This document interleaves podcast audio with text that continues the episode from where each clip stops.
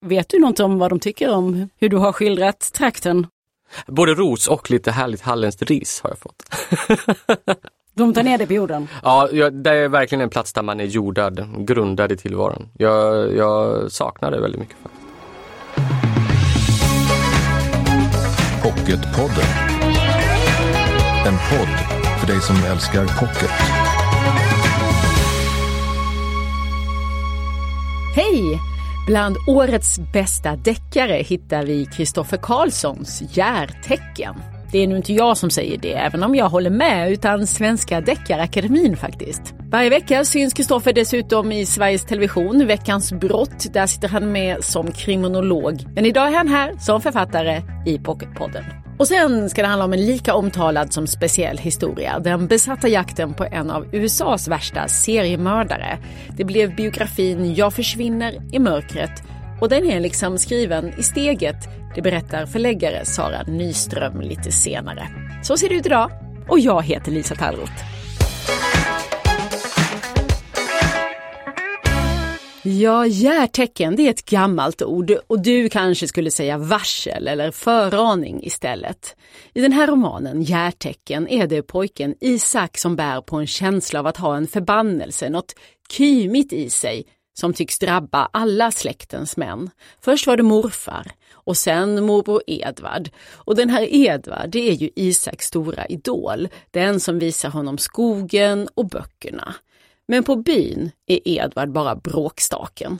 Och så kommer då katastrofen. Edvards flickvän hittas ihjälslagen och det är Edvard som döms för mordet och åttaåringen Isaks värld går i tu. Men den här romanen har en huvudperson till, Vidar, polisen som själv bor i byn och han börjar ana att den här historien borde tagit en helt annan vändning. Välkommen till Pocketpodden, Kristoffer Karlsson. Tack så jättemycket. Ja, Järtecken är ju en mordgåta som vi förstår. Men det är kanske framför allt en historia om det som händer sen, efter brottet. Eller hur? Jag var bara nyfiken på vad som hände om man liksom skulle försöka utforska de vardagliga, både små och de stora konsekvenserna av ett brott i en så liten bygd, alltså i min, min hemtrakt. Ja, och den byn heter Marbäck, mm. finns ju på riktigt. Liten by, det är bara några hundra invånare. Ja, det är en väldigt liten trakt. Om du åker österut, Lisa. du börjar i Halmstad city och så åker du österut. Så kommer du till några små trakter som heter Skedala, Tofta, Marbäck och så småningom Simlångsdalen. I, I, min uppväxt och i min historia så hänger de platserna ihop ganska mycket som, som en. Du vet, jag ville bara berätta historien om, om den platsen så som den var. Alltså du vet, vi växte upp där. Vi spelade fotboll och grillade och tittade på traktorerna i skördetid. Väldigt fritt låter det som. Det var en väldigt fin uppväxt. Man blev vän med naturen. Ibland när man skriver romaner så blir folk eh, i romanerna blir som pastischer eller de blir som kulisser eller pappfigurer bara. Men jag var mån om, just för att det handlade om min historia, så var jag mån om att försöka visa eh, Marbäck som den väldigt komplexa plats den är. Eh, du vet, som en riktig plats där människor lever och verkar och föds och blir kära och skiljer sig och dör. Och, du vet de små och de stora tragedierna. Men du skriver flera gånger om just den lilla orten, den lilla platsen, att eh, alla känner ju varann men egentligen vet man inte något om någon. Mm. Vad menar du med det? Jo men vi lever ju sida vid sida vid varandra väldigt nära. Eh, gårdarna angränsar varandra. Man ser varandra varje dag. Man vet om Hansson har åkt till jobbet eller inte för man ser om bilen åker förbi.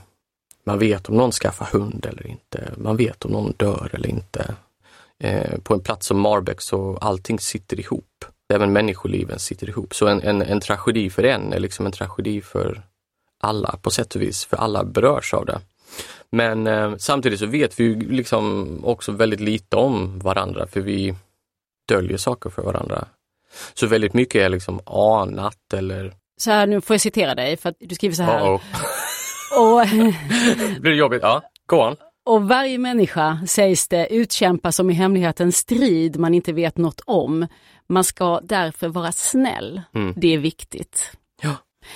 Vad är det för strid då som Isak utkämpar, en av dina huvudpersoner här i Järtecken? Jag tror att han, eh, jag ska bara säga det där citatet by the way, det är liksom eh, rakt ur Marbäcksmoralen. Det var det vi fick lära oss som barn.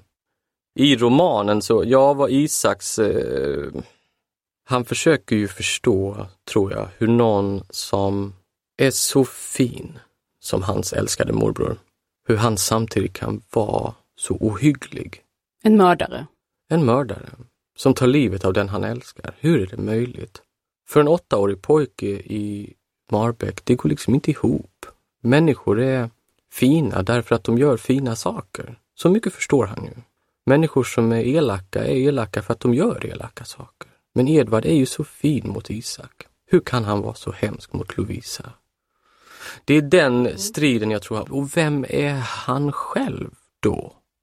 Ja, men nu kommer vi väl också till det som är själva huvudbekymret i den här historien. Människor är ju inte så snälla som man får lära sig att man ska vara där i Marbäck. De dömer ju Isak hårt och inte bara honom utan hela hans familj har ju fått sitt rykte hugget mm. i sten. Att det här är en familj som ställer till bråk. Mm. Så vad gör de? Hur går det för Isak där? efter den här händelsen. Han är ju bara åtta när hans morbror sätts i fängelse. Ja precis, och jag, jag, tror, inte man, du vet, jag tror inte man ska döma dem i, i trakten för att de tar avstånd från honom. Precis som det, det är väl en ganska naturlig instinkt som föräldrar att vilja skydda sitt barn. Liksom. Att dö, nej, inte den där pojken. håll dig borta från det, det är bara problem med honom. Hela hans familj kantas bara av skit. Allting de tar i går sönder. Håll dig borta. Och det är ju en naturlig känsla för en förälder att känna konsekvensen för Isak blir ju att han växer upp med tanken att det finns nog någonting också i mig. Något kymigt? Något kymigt som han säger. Som um, bara väntar på att få komma ut. Och så han, han skräms lite grann inför den potentialen han kan känna i sig själv. Och han börjar märka, framförallt när han blir tonåring, så märker han att mm, alltså jag, jag känner mig så arg ibland. Jag vill bara, mm, så. Och det går ju inte jättebra. Nej, nu känner jag att jag behöver koppla ihop eh, forskaren Kristoffer med författaren Kristoffer, för mm. du är mhm. ju kriminolog. Korrekt. Eh, ställer det här, du rynkar lite på ögonen, ställer de här två delarna av dig till det för varandra? Nej, det gör de ju, nej verkligen inte. Det är mer bara att eh, det är så ofta kopplat samman. Men vi kan prata om det om du vill. För att det som hänger över Isak här det är ju detta med um, någon idé om arvsynd eller social predestination. Låter lite mer, uh, lite mer sekulärt. Ja, ja, ja. Uh, Inte bara social heller nödvändigtvis. Men vi vet att arvet är delvis socialt men det är också genetiskt betingat. Det är, arv och miljö samspelar på väldigt intrikata vis. Och det här är ju dessutom ditt område, du är inte bara kriminolog, du har ju också disputerat på en avhandling som handlar just om, ja. om hur en kriminell karriär kan förändras över tid och vilka faktorer som påverkar. Yes. Eh, så att eh, du har ju en himla massa kunskap om det här på det här strukturella planet som mm. forskare arbetar. Var det ett större mönster du ändå sökte Men jag illustrera? Tror poängen med de, med de större mönstren är ju ofta att de är de är ju närvarande även i de individuella livshistorierna. Eh, det är klart att de hänger samman.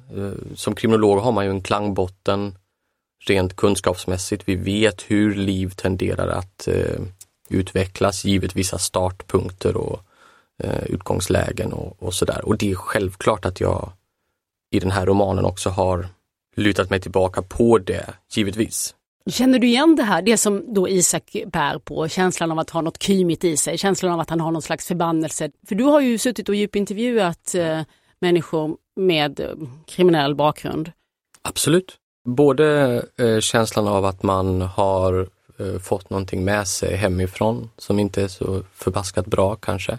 Och också att omgivningens reaktioner på en styrs väldigt mycket av just det. Framförallt på mindre orter där, där ärver man inte bara sin direkta hemmiljö eller eh, sin genetiska uppsättning. Man ärver också andras blickar på en mycket mer än vad man gör i en storstad.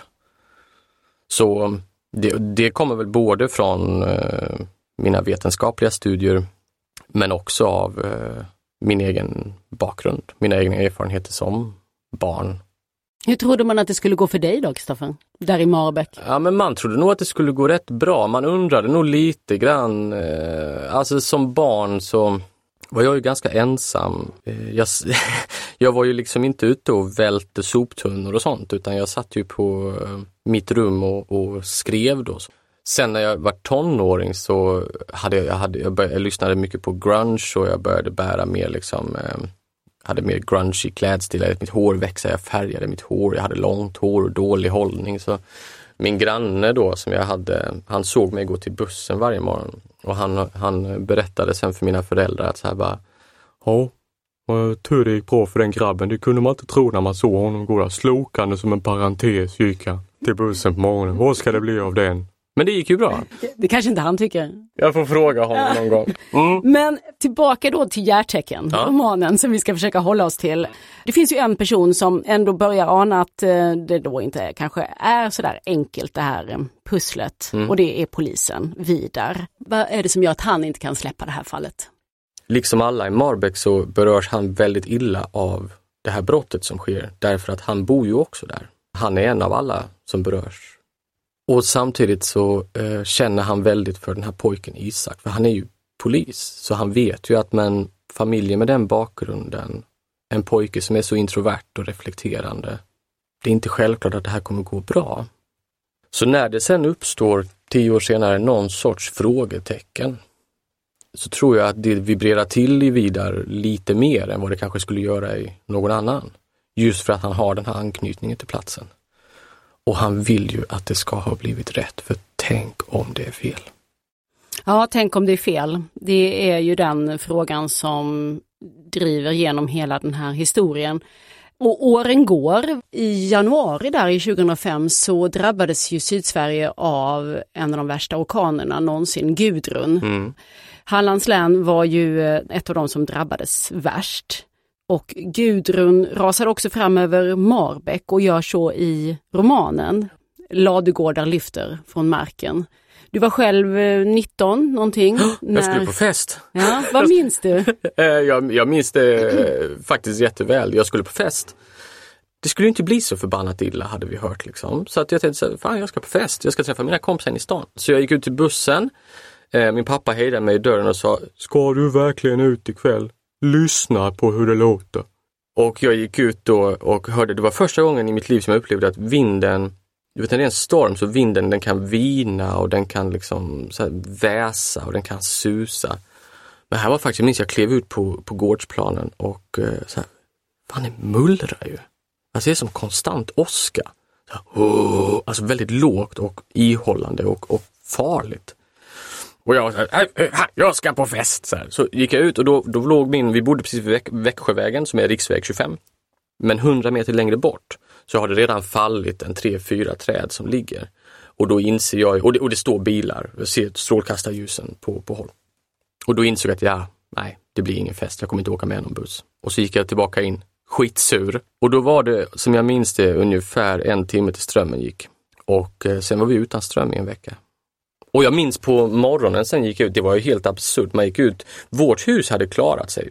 Faktiskt, vi hade inte fått, inte ett enda träd hade fallit eh, över oss. Men jag gick ut på Växjövägen och tittade bara för att se hur landskapet såg ut. För det var, det var så konstigt, det var liksom helt förändrat. Och då såg jag precis på den plats där jag skulle ha stått och väntat på bussen, så bara låg det liksom drivor med träd. Så jag var så här, ja. Det är ju hela livsverk som går ja. totalt förlorade och människor går under. Ja. Kanske inte där i stormens vindar men, Nej, men var, därefter. Precis, det var det som var grejen, för en del av den där skogen gick ju att avverka. Eh, så de, de överlevde ju ett tag. Det var ju först sen som siffrorna började bli röda, när det liksom inte kom någon ny eh, skog. De, de planterade ju för allt vad de orkade och förmådde, men, men de, de hamnade ändå efter. Och varför ville du ha med den här händelsen i romanen? Ja, dels så, så det, det, är nog den starkaste upplevelse jag har av min, min uppväxt just när det gäller relationen till naturen och till platsen. Att eh, den natten så kom man väldigt, väldigt nära naturen och man kände också hur otroligt hemsk även den kan vara när den liksom ryter ifrån. Och eh, det hade inte riktigt, jag upplevde inte eh, att det hade berättat fattats riktigt hur, hur det var att befinna sig i dess, eh, ja inte direkta centrum, men, men att befinna sig i Gudrun och vilka eh, enorma konsekvenser det blev. Det har gjorts P1-dokumentärer och så vet jag om både liksom små och stora skeenden. Men just eh, hur det upplevs av en eh, 18-åring i eh, den miljön. Jag upplevde inte att det hade berättats riktigt. Ja, man kan säga att det speglar ju Isaks inre väldigt väl. Jag har lite svårt för det där, du vet, du vet när i, i kriminalromaner säger så, du vet när Wallander går runt och funderar över något case sådär och så kommer han ingen vart och då, då är samtidigt, då, det är alltid dimmigt då. Man bara, åh, symbolik eh, så. Jag kan tycka att den är lite gjord nu. Vi får, måste vara lite... Nu är den gjord. Ja. ja men du vet, det, det, jag kan tycka att det, det är så övertydligt. Man bara, ja jag fattar. Men nu skickar du ju ut Isak i Stormen Gudrun här. Ja. Eh, sitt, en av sitt livs största kriser. Precis, och jag tyckte att här, men här kan det också funka därför det, det blir också någonstans hans ehm, definitiva brott med det som varit. För att när naturen är förändrad så är det också någonting som är oåterkalleligt på något vis. Så jag tyckte det funkade ganska så bra. Um, det tycker jag också att det gör. Jag tycker också att det funkar. Tack. Bra. Det var du som sa att det var gjort. men det är det ju, du får hålla med. Ja, jo, men det behöver inte vara dåligt. Nej, sant, sant. Men, då, men man, man kan liksom inte gå runt och, och, och, och ha dimma i huvudet när det är dimmigt i skyn. Man får anstränga sig mer. Rejäl orkan. Ja, eller vad vet jag? Nå- för, nej men du, du, du ja. ja, jag förstår. Ja, man kan ju jobba mer med det. Stor lycka i totalt ösregn eller eh, total olycka i vackert solsken. Det är kontraster är bra att jobba med som författare. Det blir ofta ganska effektfullt då. Jag var ju inne då till ditt förtret på att du är kriminolog. Ja. Det är okej, det är ingen, vi kan, alltså, jag har ingen motvilja mot att prata om det. Så. Men du har ju nu gett dig in i kriminalgenren. Mm. Det hade du ju inte behövt göra. Vi har hört dig säga att det är ju egentligen inte brottet som är det viktiga. Nej, det är det ju inte. Så varför har du med det då? Ja, men det går att vira väldigt mycket kring ett brott. Konsekvenser, stigman. Eh, utmaningen jag ser som författare är vad kan vi berätta genom att berätta om brott? Jag kan tycka det finns många fantastiska exempel på det i den svenska deckarfloran där författaren verkligen förflyttar gränsen för vad vi kan göra med kriminalromanen. Eh, kan vi skriva en kriminalroman som i stort sett utspelar sig inuti en persons huvud? Vi, I största av allt är vi i Maja Norbergs huvud större delen av tiden. Silvervägen är sin egen värld på ett helt annat sätt. Eh, så jag har någonstans landat i att det är där mitt eh, manöverutrymme finns. Men du tänker att det också blir, eh, det är någonting som blir synligt? Ja, det blir det ju. Jag menar, brott är ofta en, en smärtpunkt. Och eh, smärtpunkter är väldigt bra näring för en författare. Inre och yttre smärtpunkter kan vara väldigt, väldigt bra att jobba med. Jag menar, bara en sån sak i Järtecken som att eh, en av huvudkaraktärerna Vidar, att hans pappa är polis. Far och son som polis. Det är en ganska bra början på en kriminalroman. Alltså man kan berätta far och sonrelationer, att se upp till någon, att förakta någon, närhet och motstånd, närhet och avstånd. Eh, sådär. Och sen, man ska inte sticka under stol med det heller. Alltså, nu har vi pratat om Järtecken här som att det är en allvarlig roman om skuld och arv. Man ska också säga att det är ju, framförallt är det ju en jävligt spännande bok. Hoppas jag! om jag har gjort mitt jobb rätt. Ja, ja. Eh, annars, för, om, om inte kriminalromanen är spännande, om inte den, den får läsaren att vända blad, då fyller den ju ingen funktion överhuvudtaget annat än att du kan liksom, ja, stapla den på andra saker som sen blir ett nattduksbord så småningom. Eller vad det nu är. Kristoffer, jag ska snart släppa dig, men jag måste också ta upp den här boken som eh, jag har förläggare Sara Nyström på väg in för att prata om. Eh, Jag försvinner i mörkret heter den, Michelle McNamara. Och jag förstår att du har läst den och är ett fan, för det står till och med här på pocketomslaget att du, eh, att du önskade att den aldrig skulle ta slut. Står det att Kristoffer Karlsson tycker. Ja, den, det är en helt fantastisk eh, historia med en helt osannolik och fantastisk eh, huvudkaraktär, nämligen eh, McNamara själv, författarinnan. Den är så otroligt väl skriven. Hon skriver ju bättre än i stort sett alla andra true crime-böcker jag har läst. Fantastiskt språk har hon. Mm. Den ska vi strax prata mer om här i Pocketpodden, men först vill jag tacka dig, Kristoffer Karlsson, för att du kom hit Tack så jättemycket. Och det är alltså Järtecken som vi nu har pratat om och som finns som pocket. Pocketpodden. Ja, Jag försvinner in i mörkret av Michelle McNamara ska vi prata om nu och jag har förläggare Sara Nyström här från Albert Bonniers förlag. Välkommen! Vad är det här för bok? Det här är en true crime historia som bygger på den amerikanska mm, småbarnsmamman och true crime amatören kan man väl säga, som blir besatt av att lösa vem som är the Golden State Killer. Det var en seriemördare som anses ha begått 12 mord, ett 50-tal våldtäkter och ett fullständigt oräkneligt antal inbrott under sent 70-tal och tidigt 80-tal i Kalifornien. Och han slog till under de mest förfärliga omständigheter. Han kartlade folk under månader innan han slog till. Han klättrade omkring på deras tak, han hade exakt kontroll över deras rörelsemönster inne i deras hus utan att någon visste något och så plötsligt kunna bara stå i någons sovrum med en ficklampa. Och det här var väldigt omtalat, förstås, under 70 och 80-talet. Och Michelle McNamara, hon börjar, när hon har lagt barnen, bokstavligen, så börjar hon med fullständig besatthet försöka ta rätt på vem är det? Och hon leta rätt på anhöriga, pensionerade utredare, urgamla sheriffer. Hon är överallt för att försöka ta rätt på vem var han? Och hon håller på under fem år och gör det här eh, vid sidan om ett alldeles, om inte vanligt liv, hon var gift med en eh, Hollywood-skådespelare, men i alla fall anständigt vanligt småbarnsmammeliv. Och det här är hennes berättelse, hur hon försöker lösa här, de här morden. Ja, någonting som hade ju då sysselsatt polisen i nästan 40 år. Är det inte också så hon som ger honom det här namnet, The Golden State Killer, som vi nu har kunnat se i tidningsrubriker? Ja, det är hon som gör det. Men hon dör innan ja, boken är klar. Hon dog 2016 och efterlämnade ett väldigt material som satte samman till den här boken Jag försvinner i mörkret. Och den kom ut i USA året efter vill jag minnas att det var och väckte enormt uppseende naturligtvis, för det här är ett väldigt, det är väldigt berömda seriemord. Och precis efter att boken hade kommit ut i USA så hittar man mördaren och det visade sig att han var polis. Och när jag läste boken för första gången tillsammans med en kollega, då läste vi den och så plötsligt hörde vi han är infångad. Och det, är ju, det var helt eh, overkligt faktiskt. Det var enormt spännande och skakande att nu har man hittat honom.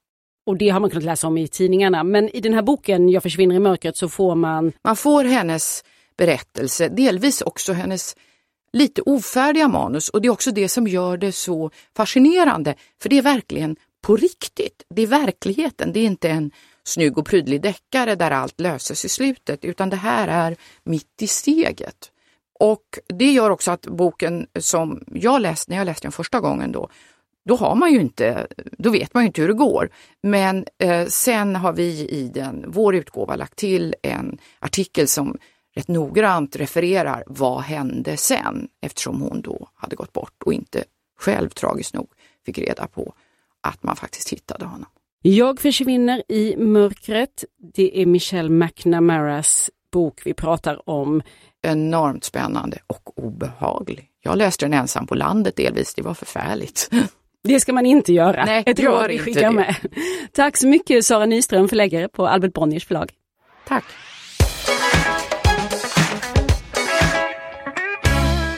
Nytt avsnitt av Pocketpodden hör du varje fredag och nästa vecka kommer Niklas Källner hit. Han är ju programledare i tv men han skriver också böcker. Och Bilen går bra heter den vi ska prata om nästa vecka. En bok om kallprat. Inte så ytligt som man kan tro. Tills dess, lyssna och läs. I sociala medier heter vi Älska Pocket och jag heter Lisa Tallroth. Hej så länge! Du har lyssnat på Pocketpodden. En podd från Bonnierförlagen.